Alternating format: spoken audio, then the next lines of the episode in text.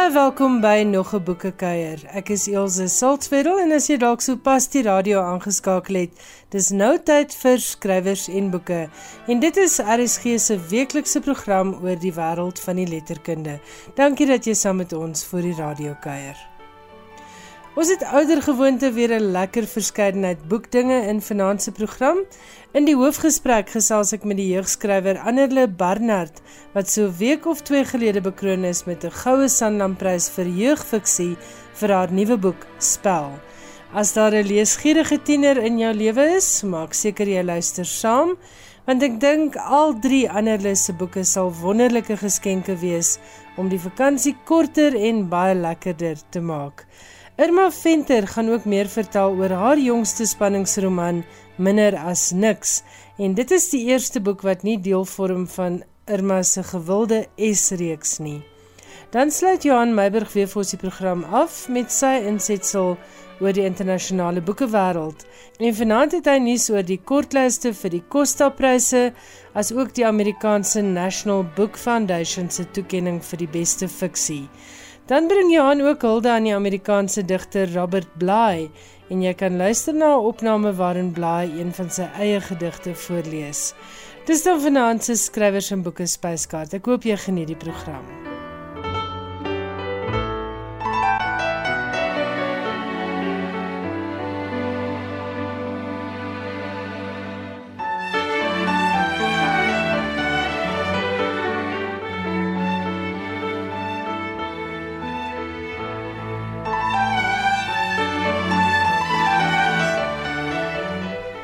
Eerste aan die beurt vanaand, Annerle Barnard, skrywer van Sweepslag en Syndikaat, se derde jeugroman Spel is pas vereer met die Goue Sanlamprys vir jeuglektuur. Dis Annerle se tweede Sanlamprys. Syndikaat is in 2019 met 'n Silwer Sanlamprys bekroon. Kom ons hoor wat sê Annerle Barnard.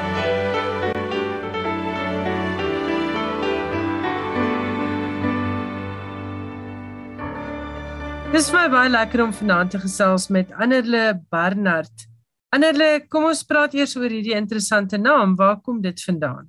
My noemnaam is 'n Suid-Duitse naam wat vir my redelik baie probleme veroorsaak het eers toe ek op skool was want niemand kon dit uitspreek nie. So ek is al so gewoond om te reageer op ander enige iets dat uh, ja.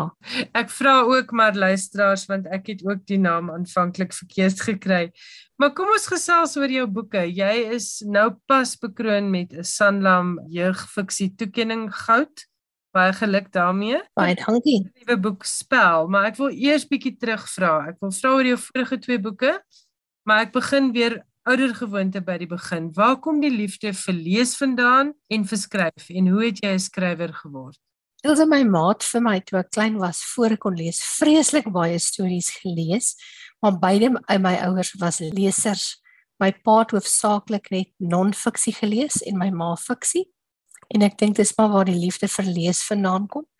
En ek het op 15 reeds geweet ek sal graag eendag wou skryf, maar destyds daar was nie jeuglektuur nie. So ek het op 15 Stephen King gelees. En uh, my droom was destyds om so Stephen King te skryf.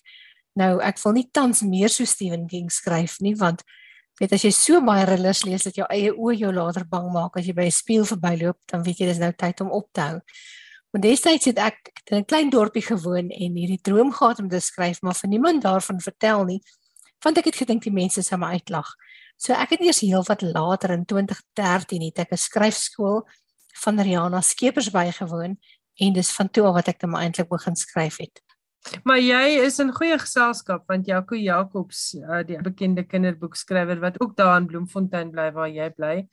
Ek dink Jaco kan waarskynlik Stephen King voordra in sy slaap, so baie het hy al gelees.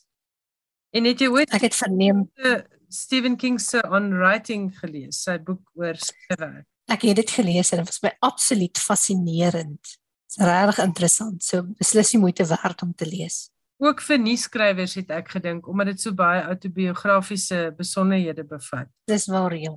Toe gaan maak jy 'n draai in die onderwys. Is dit uh waar die liefde vir jeugfiksie vandaan kom of hoe dit gebeur dat jy spesifiek vir kinders en jong mense wil skryf? Ek het die onderwys vreeslik baie geniet Um, maar nee, ek dink nie dis waar my liefde vir jeugfiksie vandaan kom nie. Ek het eintlik na boeke gesoek om my eie kinders aan die lees te kry, maar hulle aard nie na my nie. Hulle is baie lief vir wiskunde. Beide van hulle en baie lief vir sport. Um en so in my soek tog na boeke wat hulle moontlik mag interesseer, het ek 'n paar jeugboeke in die biblioteek gesien en nogal gewonder. Hoekom wil iemand nou 'n jeugboek lees as hulle kan sien maar Stephen King lees of David Baldacci of enige van daai? En ek het hierdie boeke uitgeneem eintlik om te sien wat daar vir my kinders is en toe besef ek, "Jo, eintlik is jeugfiksie bitter interessant." So op hierdie ouderdom lees ek ongelooflik baie jeugfiksie en nie net om my eie kinders die lees te kry nie, maar omdat ek regtig baie daarvan hou. Um en Rihanna Skeepers het destyds vir almal wat by haar die slypskool voltooi het, 'n e-pos aangestuur oor 'n aanlyn maatskappy wat gesoek het na aanlyn kinderstories. En terwyl ek die kinderstories geskryf het, het ek besef maar hierdie een storie wil 'n roman wees en hy neig na tieners toe. Dit wil nie meer 'n kinderstorie lees nie. En ek vermoed dis nou maar waar die gogga gebyt het. Dis hoe sweetslag ontstaan het. En ehm um, ek is mal oor hier ek lees hoope daarvan. Dirk van der Walt het eendag met my in 'n onderhoud oor sy jeugfiksie gesels. Hy hou niks van die naam jeugfiksie nie. Hy sê dit is fiksie wat ook deur jong mense gelees kan word, maar dis eintlik glad nie net gemik op die jeug nie. En ek sal dit altyd onthou want dis eintlik ook baie waar as 'n mens gaan kyk na ander internasionale uh young adult skrywers, dan dink 'n mens eintlik dis die soort goed waarvan romantiese flieks en dinge gemaak word. Dis nie noodwendig net gerig op tieners nie. Eintlik gerig op enigiemand wat van 'n lekker storie. Baie beslis, ek moet met jou saamstem. Ek dink ook nie jeugfiksie is slegs vir die jeug nie. Ja, daar is tiener karakters, maar um die die temas in jeuglektuur is dikwels net so swaar soos of dieselfde tipe temas as wat jy sal vind in volwasse lektuur. En dan het ek nogal agtergekom met my eerste twee boeke, Sweepslag en Syndikaat, was daar um baie lesers tussen ouderdom 25 en 90. Een tannie van 90 het byvoorbeeld die een boek uh, drie keer gelees en 'n ander vriendin in my leeskring wat by Aftreeoord woon, het vir my laat weet dat beide boeke in die Aftreeoord se biblioteke is en beide is sat gelees. So is beslis nie net die, die jeug wat dit lees nie. En in spel as ek kyk daar's redelike gewigtige temas as ek dit so kan noem, vryheid en onderdrukking byvoorbeeld, ehm um, die stryd tussen goed en kwaad onder andere. Dis dis temas waarby almal aanklank sal vind en en soos wat syndikaate groen tema het, het spel ook 'n 'n baie belangrike groen tema dink ek en ek dink dit maak dit nog meer interessant waarskynlik dan ook vir volwasse lesers. Hoop en glo ek. Kom ons praat gou oor sweepslag en uh, syndikaat. Phyllis Green het na hulle verwys as van haar gunsteling boeke vir die vorige jaar of 2. Toe sy met my oor haar gunsteling boeke gepraat het. Sy het ook gesels oor die spanningslyn wat jy so goed kan volhou. So vertel vir ons luisteraars wat nog nie syndikaat en sweepslag gelees het nie, net so bietjie meer oor dit. Ek het sweepslag begin skryf Ilse eintlik as 'n kinderstorie soos ek vir jou gesê het. En terwyl ek dit geskryf het, het ek besef maar hierdie boek wil 'n roman wees en dit wil 'n titelroman wees. En ten tye van die skryf van die van die storie wat eintlik 'n storie moes wees oor diamantsmokkelary, was daar 'n berig gewees in Bloemfontein oor die radio oor twee meisies ouderdom 12 en 13 wat 'n saamry geleentheid van 'n vreemdeling aanvaar het en ontvoer is. En so het Seepslag se tema toe 'n mensenhandel geword. En Ek het baie navorsing gedoen en gepraat met menseregte kenners en sielkundige en polisiemanne en 'n klomp interessante mense.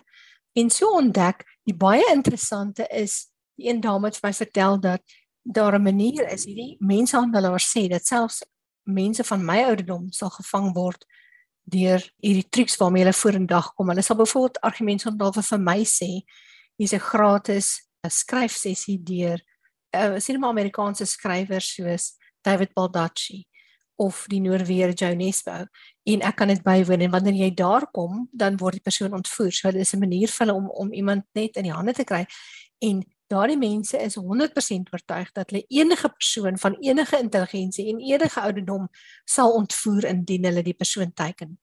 So dit is eintlik 'n baie interessante tema, maar ek het jou nou nie probeer om 'n laagie versuursuiker oor te sit nie want ek het gevoel dit sou nie regverdig wees teenoor die werklike slagoffers van mensenhandel nie. En ek het probeer om die spanningslyn hoog te hou sodat dit die tieners hooplik sou interesseer en omdat ek self hou van 'n boek met 'n hoë spanningslyn en 'n redelike vinnige tempo. En um Syndikaat het daarop gevolg, so Paul Radman is die hoofkarakter in beide Sweepslag en Syndikaat. En um Paul Radman aan die begin van Syndikaat is daar hy hy besoek 'n vriend van hom se huis en druk sy hand in 'n beskuitboks en daarin ontdek hy dan 'n onwettige produk en hy weet daarmee word gesmokkel en hierdie spesifieke syndikaat vat dan sy spoor, maar ook die syndikaat waarmee hy te doen gehad het in sweepslag is ook op sy spoor want een of twee van die persone wat aan die hoof was van hierdie syndikaat het ontsnap. So so dit wels werklik gebeur dat nie almal gevang word nie. En so hy weet nie mooi vir watter syndikaat om uit te kyk nie en daarom het sy pa die ex-rekkie Bossie gehuur om hom op te pas. Dan Bossie besluit met aanvalle wat gebeur op Paul Radman se huis dat hulle eerder na 'n Afrika land moet gaan waar hulle spoorloos kan verdwyn sonder kredietkaarte, sonder selfone, sonder tegnologie en waar daar dan 'n klomp goed gebeur. Dit is my toe baie lekker boek om aan te skryf alhoewel die navorsing vir sweepslag spesifiek was vir my regtig vir ontstellend geweest. Dit is nie 'n maklike tema nie, maar dit is 'n werklikheid en omdat ek 'n ouer is van wel dis nou seuns die meisies nie maar dit maak nie saak nie Paul Radman is 'n seun wat ontvoer is en ek het dit gedoen omdat dit seuns ook ontvoer word net meisies nie maar ek weet hoe maklik die kinders op die skool in mense kar klim en nie daaraan dink om hulle ma te bel om te sê ek ry saam met so en so nie en ek weet die mm. ouers ken my en gaan nie omgee nie maar ek het al vir 'n kind gesê hoor jy bel net jou ma en sê vir haar jy ry saam met my ek weet sy gaan nie omgee nie maar sê haar net waar jy is ek wil nou vir jou vra is jy ook geneig om te verval in die lekkerte van navorsing wanneer jy nou eers spoor gevat het? Want dis vir my amper lekkerder as skryf is die dinge wat ek leer terwyl ek werk aan 'n artikel of 'n boek. Navorsing Ilse is my fascinerend so ja, ek doen dit baie beslis. En dan moet ek partykeer vir myself sê, weet jy, jy hoef nie 'n klas aan te bied hoor nie. Jy moet net die storie geloofwaardig skryf. So genoeg is nou genoeg. Anders gaan mens nooit ophou navorsing doen nie, maar dit is regtig fascinerend. Vertel vir ons 'n bietjie van spel. Dit is nou splinternuut. Ek dink dit is nou behoort nou van hierdie week af oral op die rakke te wees. En jy is bekroon daarmee, baie geluk. So vertel vir ons van die storie. Wat was die vonk en waaroor gaan dit? Baie dankie Elsje. Ja, dit was baie spesiaal geweest om die Salm Goue Prysie voor te wen. Spel handel oor 'n seun, 'n tienerseun Lukas Brandt, hy's 17 en hy is een van die enigste oorlewendes op aarde nadat die res van die mensdom uitgewis is deur robotte en transterane. Daar's 'n diktator transteraan, Dakian aan bewind en hy's uiteraard 'n diktator en glad nie 'n goeie mens nie. En waar die storie vandaan gekom het, ek het wakker geword in die middel van 'n droom en besef hierdie moet 'n storie wees en ek het net daai stukkie van die droom gehad en al wat ek gehad het was die motors wat in Bloemfontein deur die straat ry en sodra 'n motor draai dan vernietig die robotte die motor. Maar solank as 'n motor reguit aanry, los hulle hom.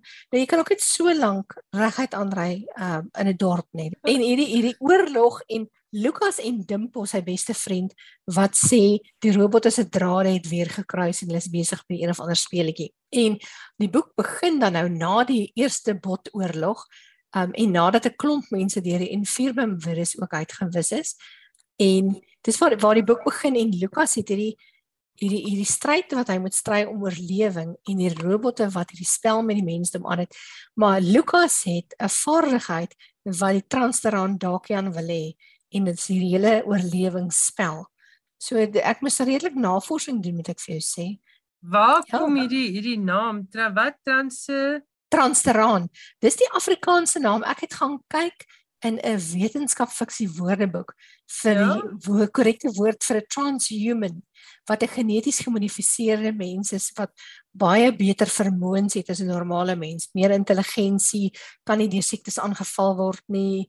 Um en daar is transhumanistiese bewegings in die wêreld. So vir my het dit aanvanklik amper verregaand geklink, maar dit was mense wat reeds baie navorsing daaroor gedoen het en mense wat sê hulle hulle self reeds verbeter het Nou ek wil nie kommentaar lewer op die wetenskap nie want ek is nie wetenskaplike nie.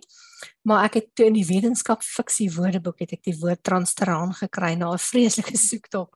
En dan kiborge is 'n kibernetiese organisme wat 'n menslike wese is met elektromeganiese liggaamsdele. Dit kom van cyborg. Dis dis 'n cyborg, ja. Dis 'n cyborg.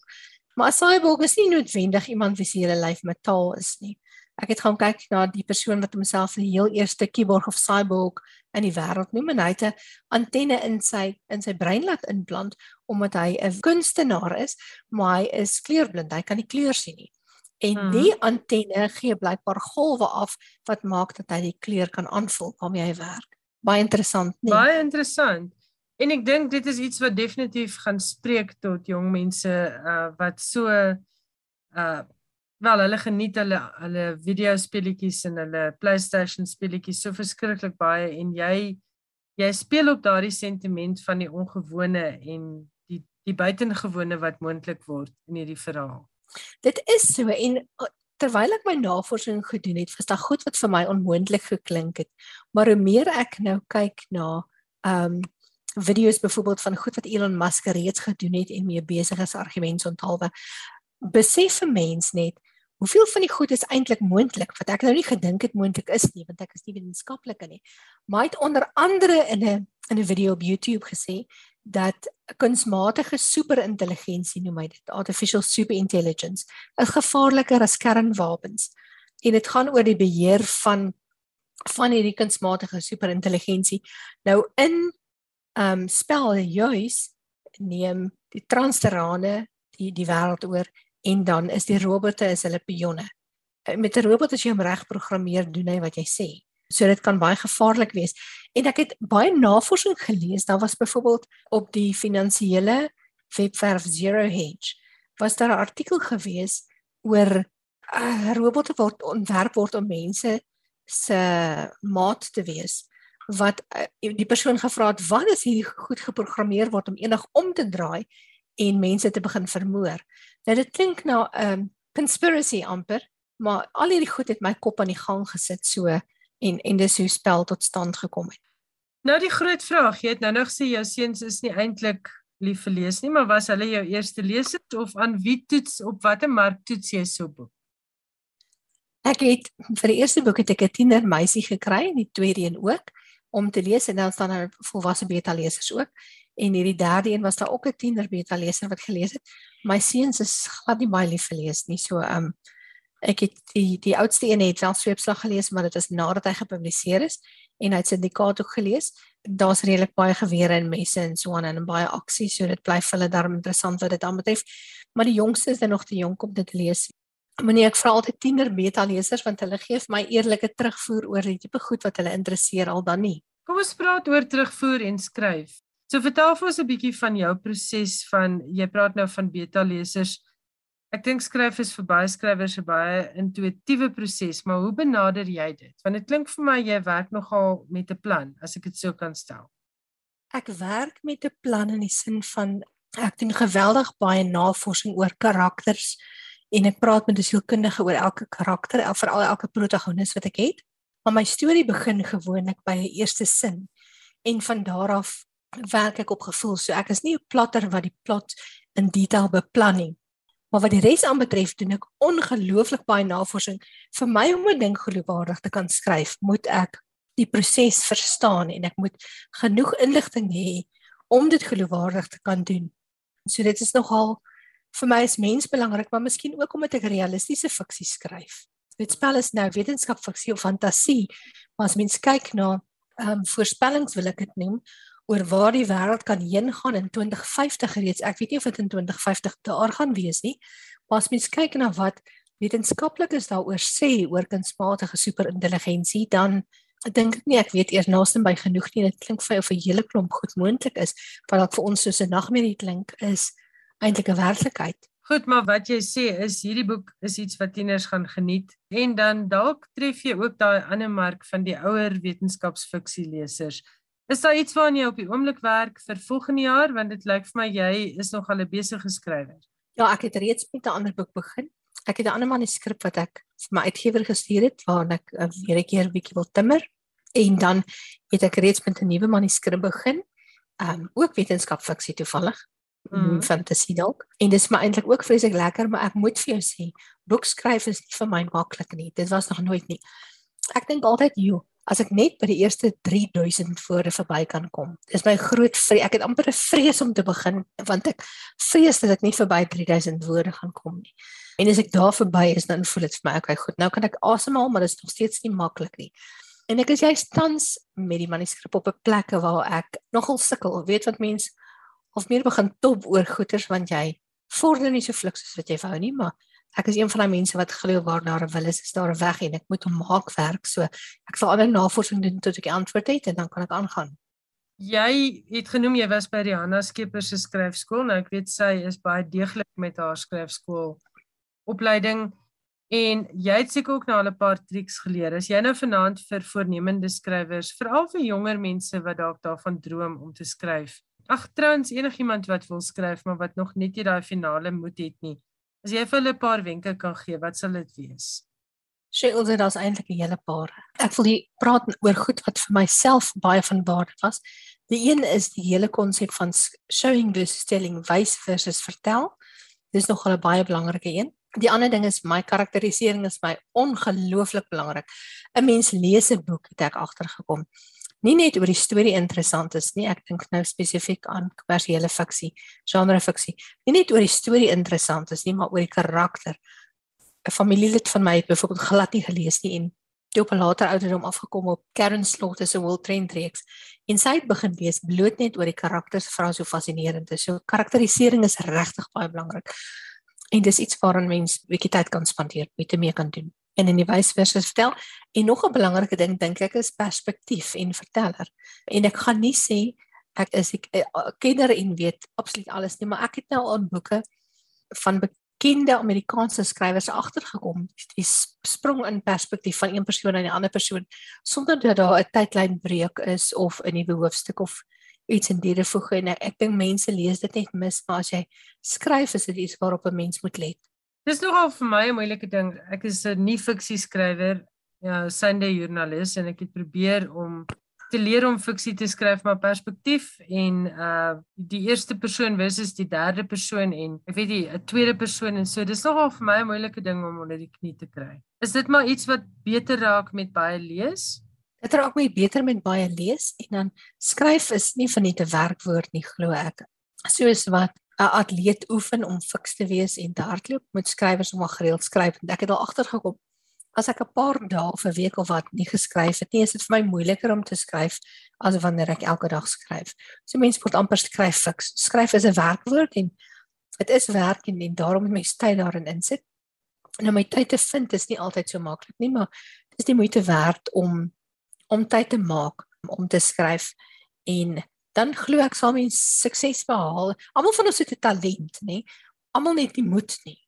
Dis die groot ding glo ek. Baie dankie vir die lekker gesels Annelie en ek dink baie luisteraars is nou nuuskierig oor spel. So wil jy nie vir ons sommer net 'n stukkie daaruit voorlees nie. Byns vlei net buite Bloemfontein. Skiet. Lukas weet dit gaan nie help nie, maar hoop vir 'n wonderwerk. Dimpel trek langsom met 'n haalgeweer los. Niks. Die haalkorrel stref hoofsaaklik metaal. Dit vertraag die kiborg nie eers 'n klein bietjie nie. Lukas probeer die mensmasjien se oë sien, maar die kiborg se lyf en helm blink in die son.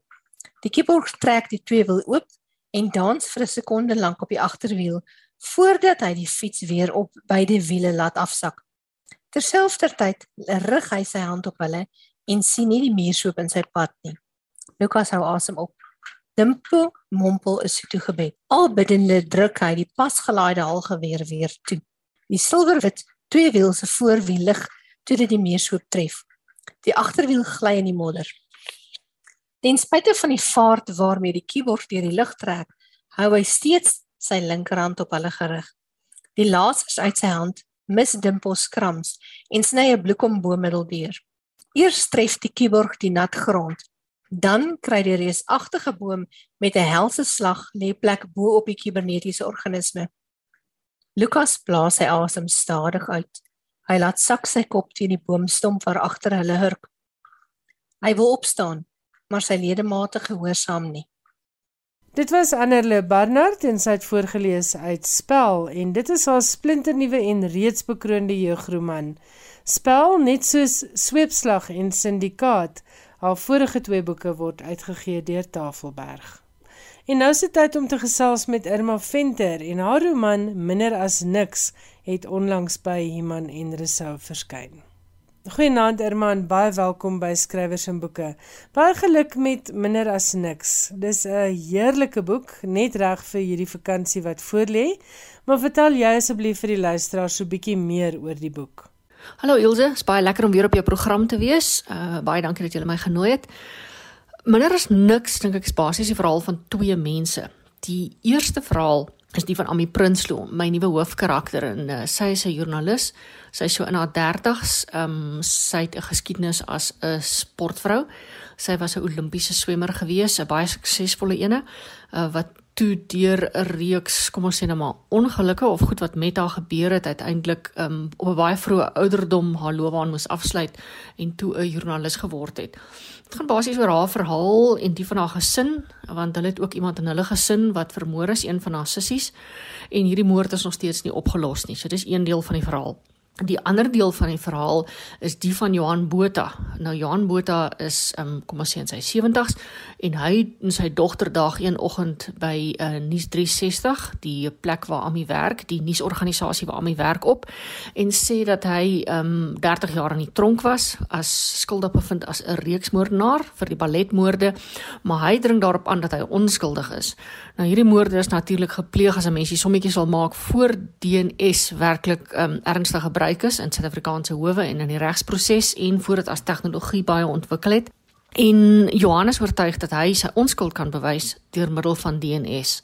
En dan vra hy natuurlik vir Ami om sy saak op te neem en om te kyk of hulle almal kan saamwerk om sy onskuld te kan bewys.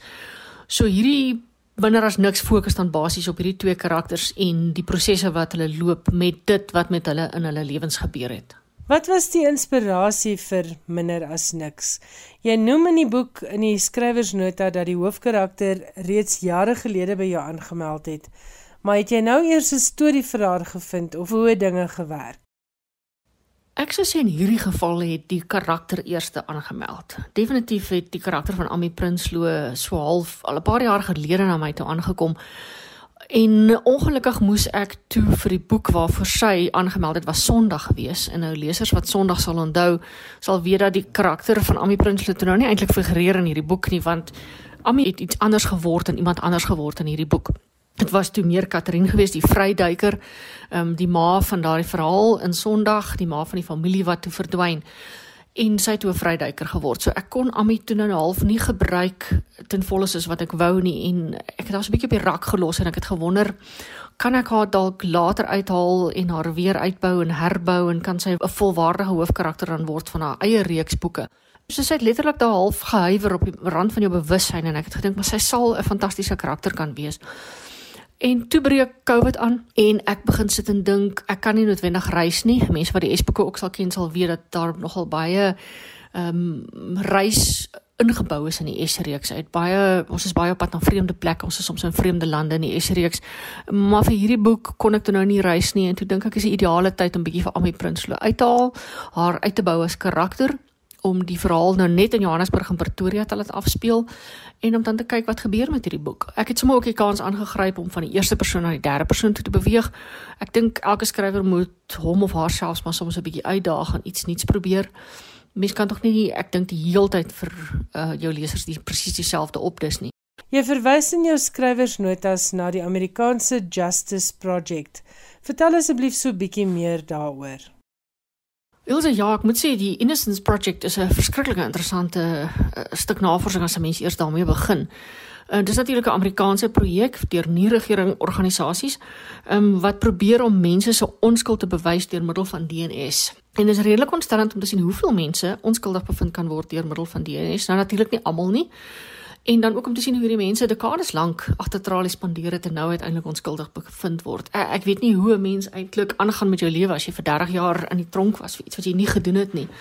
Wat ook interessant was van hierdie projek wat my navorsing uitgewys het, is hoeveel mense skuld beken het op misdaad.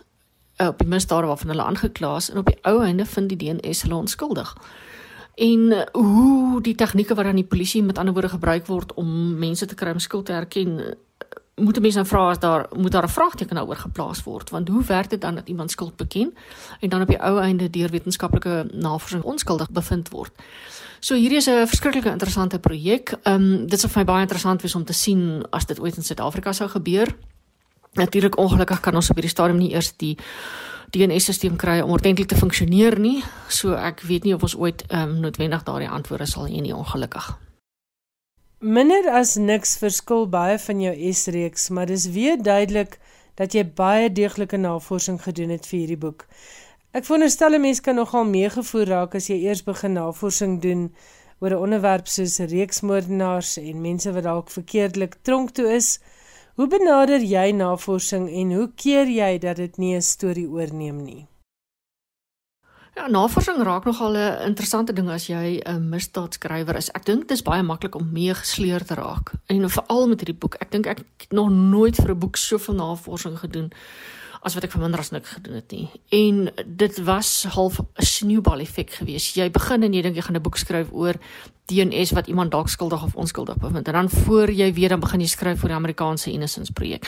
En dan voor jy weet dan begin jy skryf oor ondervra um, ondervragingstegnieke. En dan weer voor jy weet dan begin jy skryf oor ehm um, die sielkundige eenheid binne die polisie en profilering. So dit raak net 'n verskriklike raak nie half hierdie sneeubal wat 'n mens eintlik net kan saamvat en jou kan uitspoeg aan die ander kant. En die gevaar natuurlik as jy so baie navorsing doen is dat jy net heeltemal jou lesers verloor langs die pad. Dat jy soveel feite begin gee en die feite so droog begin aanbied dat jy heeltemal ehm um, die leser net verloor. So dit was noodsaaklik vir my gewees om half al die feite wat ek bymekaar maak ehm um, half tot in die eenvoudigste vorm te verwerk en om dan hierdie feite op 'n baie maklike manier en verteerbare manier aan te bied vir die leser sodat ek hulle nie verloor nie. Soos ek sou um, 100 bladsye gelees het oor DNS, maar dan moet ek dit soos binne 3-4 paragrawe vir die leser kan verduidelik. So die hierdie probleem van oorvereenvoudig amper op 'n manier maak dat jy soms dalk wonder of jy jou feite heeltemal reg het, maar dis daai balans wat 'n mens moet handhaaf tussen ehm um, die navorsing versus die plesier wat jy vir die leser moet gee. En op die ouene moet dit vir die leser, hierdie boek moet 'n plesier wees om te lees. Dit moet ontspanning wees. Dis 'n uh, Desember boek wat jy langs die see moet kan sit en lees. En 'n mens moet altyd daai twee behoeftes half van reg wees en versus die leser wat jy moet kan vermaak, moet jy met mekaar kan uitbalanseer. Ehm um, die, die begin van die boek was definitief die vonk vir die boek was definitief ook gewees uh die die innocence projek en die en die navorsing gewees. Maar dan beteken dit nie die navorsing moet die hele tyd die boek aan die neus rondlei nie. Die navorsing moet bloot 'n komponent bly van die boek en soos ek sê dan vermaak moet altyd vooropgestel word. Ami en jy deel beroepe, was dit vir jou makliker om uit die oogpunt van die joernalis te kan skryf en vertel meer oor die idee om 'n potsending as deel van die storie in te span? En dan die groot vraag natuurlik, beplan jy 'n reeks oor Ami Prinsloo? Dis vir my lekker dat ek in Ami 'n beroep kan deel want dit beteken ek kan met meer gesag oor Ami skryf. Dit voel altyd so half asof ek 'n polisie roman skryf of 'n polisie prosedure verhaal skryf dat ek nie dis moeilik om te weet of jy 100% korrek kan wees want jy kan polisiebronne gebruik, polisiebronne kan jou help, maar dit is altyd vir my so half soos ek verstaan ek kan nooit 100% verstaan hoe dit sou wees om 'n polisiepersoon te wees nie, maar ek kan 100% verstaan hoe dit is om 'n joernalis te wees. Natuurlik nou nie heeltemal amiese tipe joernalis nie, maar tog daai balf binnewerking van hoe 'n nuuskantoor werk, van hoe nuus daar buite gesit word, van wat nuuswaardig is. So ek dink dit is vir my half bloot lekkerder om ook 'n joernaliste te skryf as die ondersoekers in my verhale baie keer omdat daar net vir my 'n bietjie meer gesag is wat ek in binne die boek kan inbring. Natuurlik het die journalistieke wêreld baie baie verander in die laaste 10 of 20 jaar. Ek het nou toe ek my loopbaan begin het, het jy vir iemand vrae gefaks vir onderhoud baie keer as hulle ver weg was en jy nie fisies by hulle kon uitkom nie. Maar nou gebeur alles per e-pos en per Zoom onderhoude.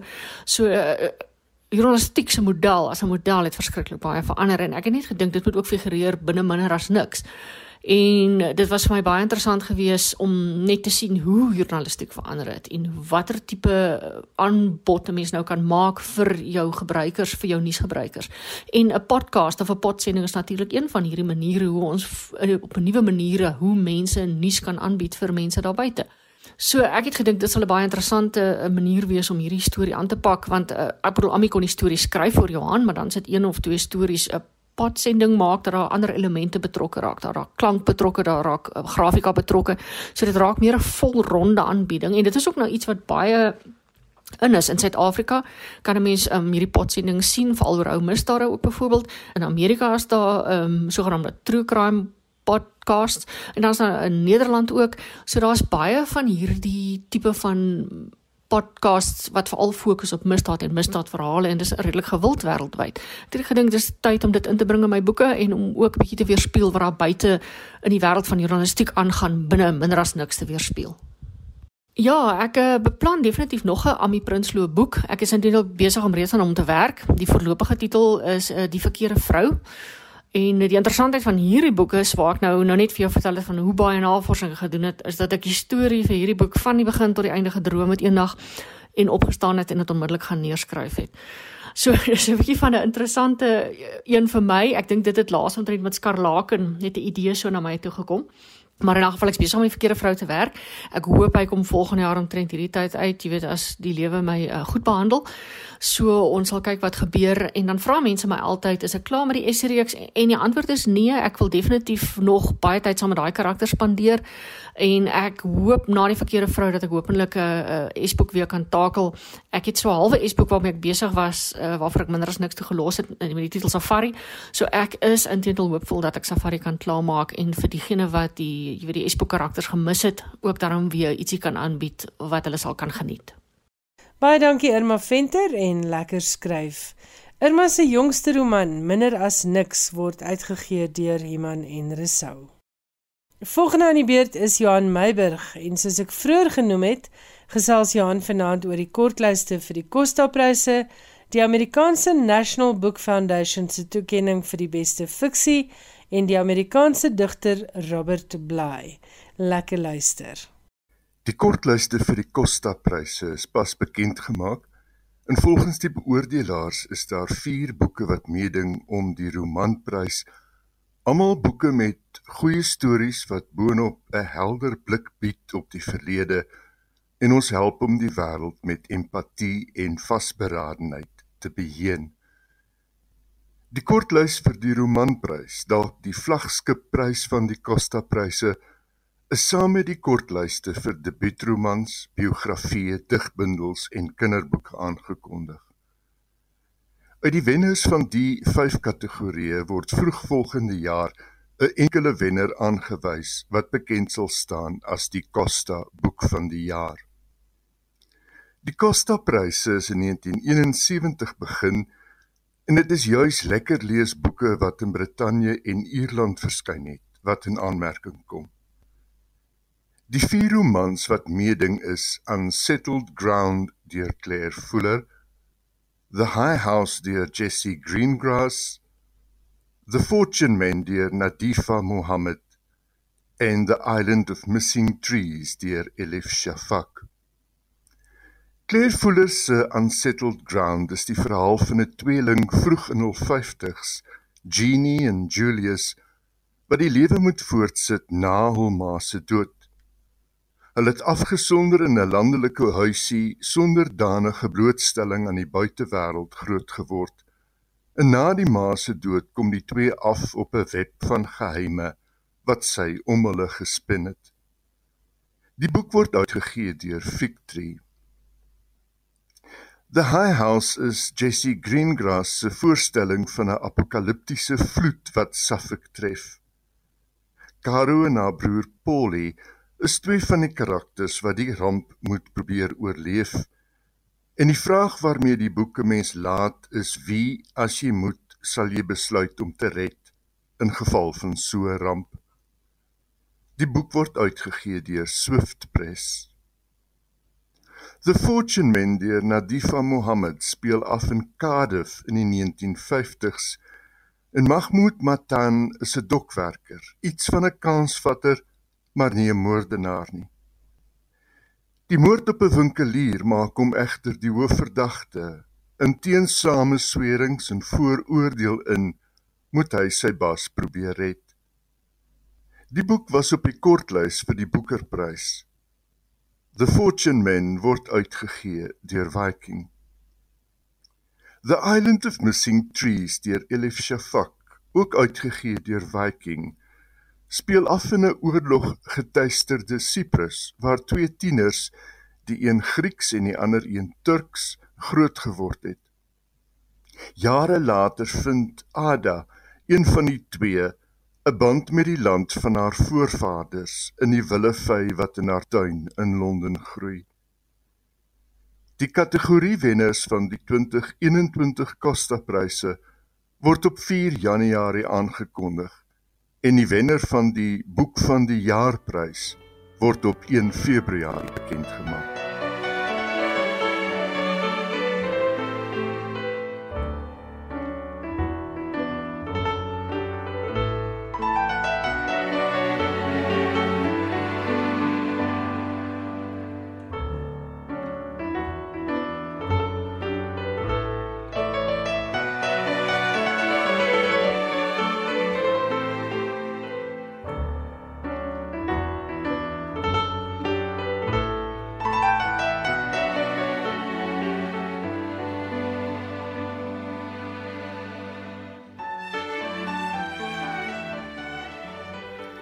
Jason Mott, 'n skrywer van die Amerikaanse deelstaat North Carolina, is aangewys as wenner van die land se National Book Foundation se 2021 fiksieprys.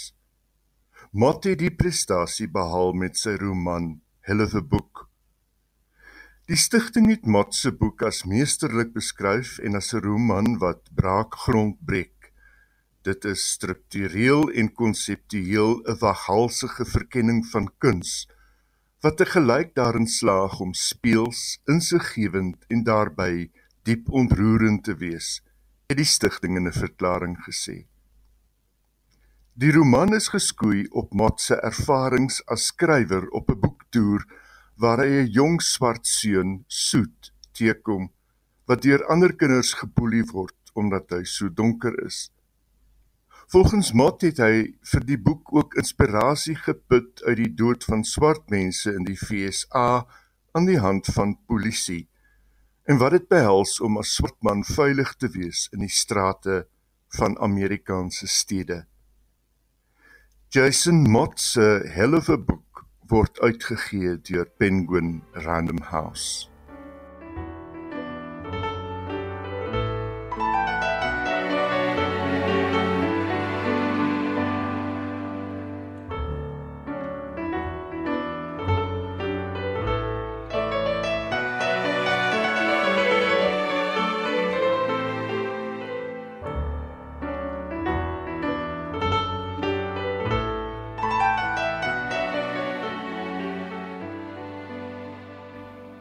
Die Amerikaanse digter en vertaler Robert Bly is onlangs in Minnesota waar hy jare lank gewoon het, dood.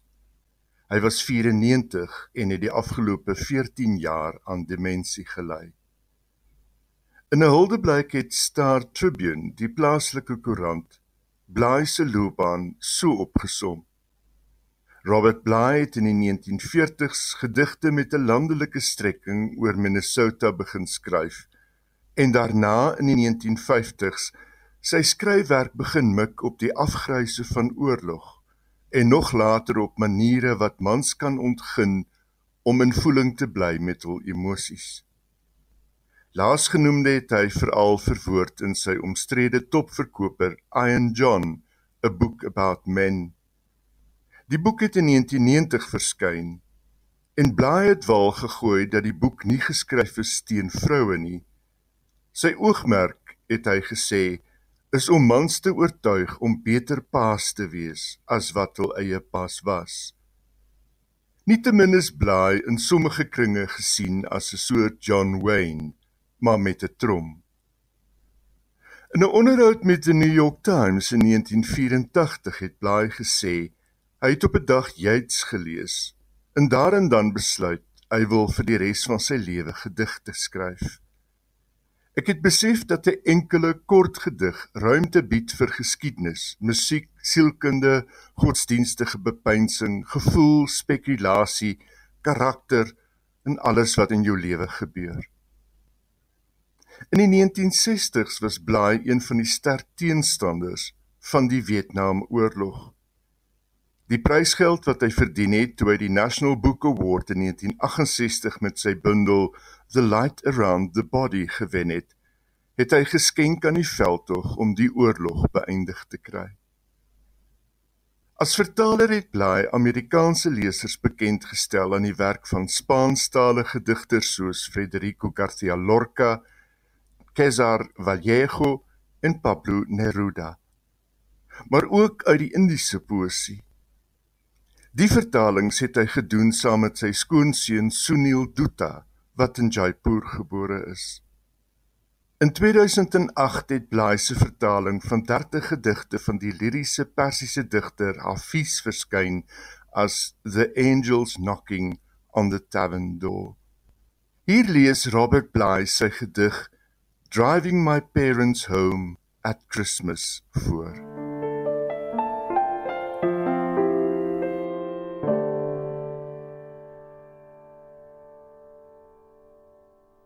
This is a poem about my parents, which I wrote the day I realized how frail they were. You know, old people sometimes spend a long time talking about little details, which they wouldn't have spent more than 10 seconds on 20 years before. And when you take, uh, when I take my, my, my parents to their house and they open the door, it seems to me that they disappear. And maybe when we come there next, uh, all the molecules reassemble and they go to the door, and there they are again. That's an illusion we have. This poem is called Driving My Parents Home at Christmas. As I drive my parents home through the snow, their frailty hesitates on the edge of a mountainside. I call over the cliff, only snow answers. They talk quietly of hauling water, of eating an orange, of a grandchild's photograph left behind last night. When they open the door of their house, they disappear. And the oak, when it falls in the forest, who hears it? through miles and miles of silence. They sit so close to each other as if pressed together by the snow.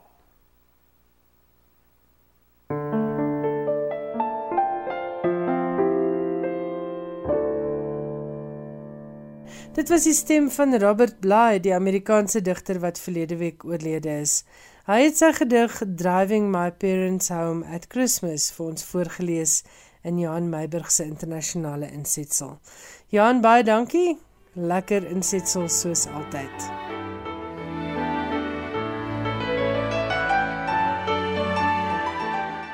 Dis ongelukkig alwaar vir ons tyd het hierdie week, maar volgende Woensdag aand om 8uur maak ons beslis weer so.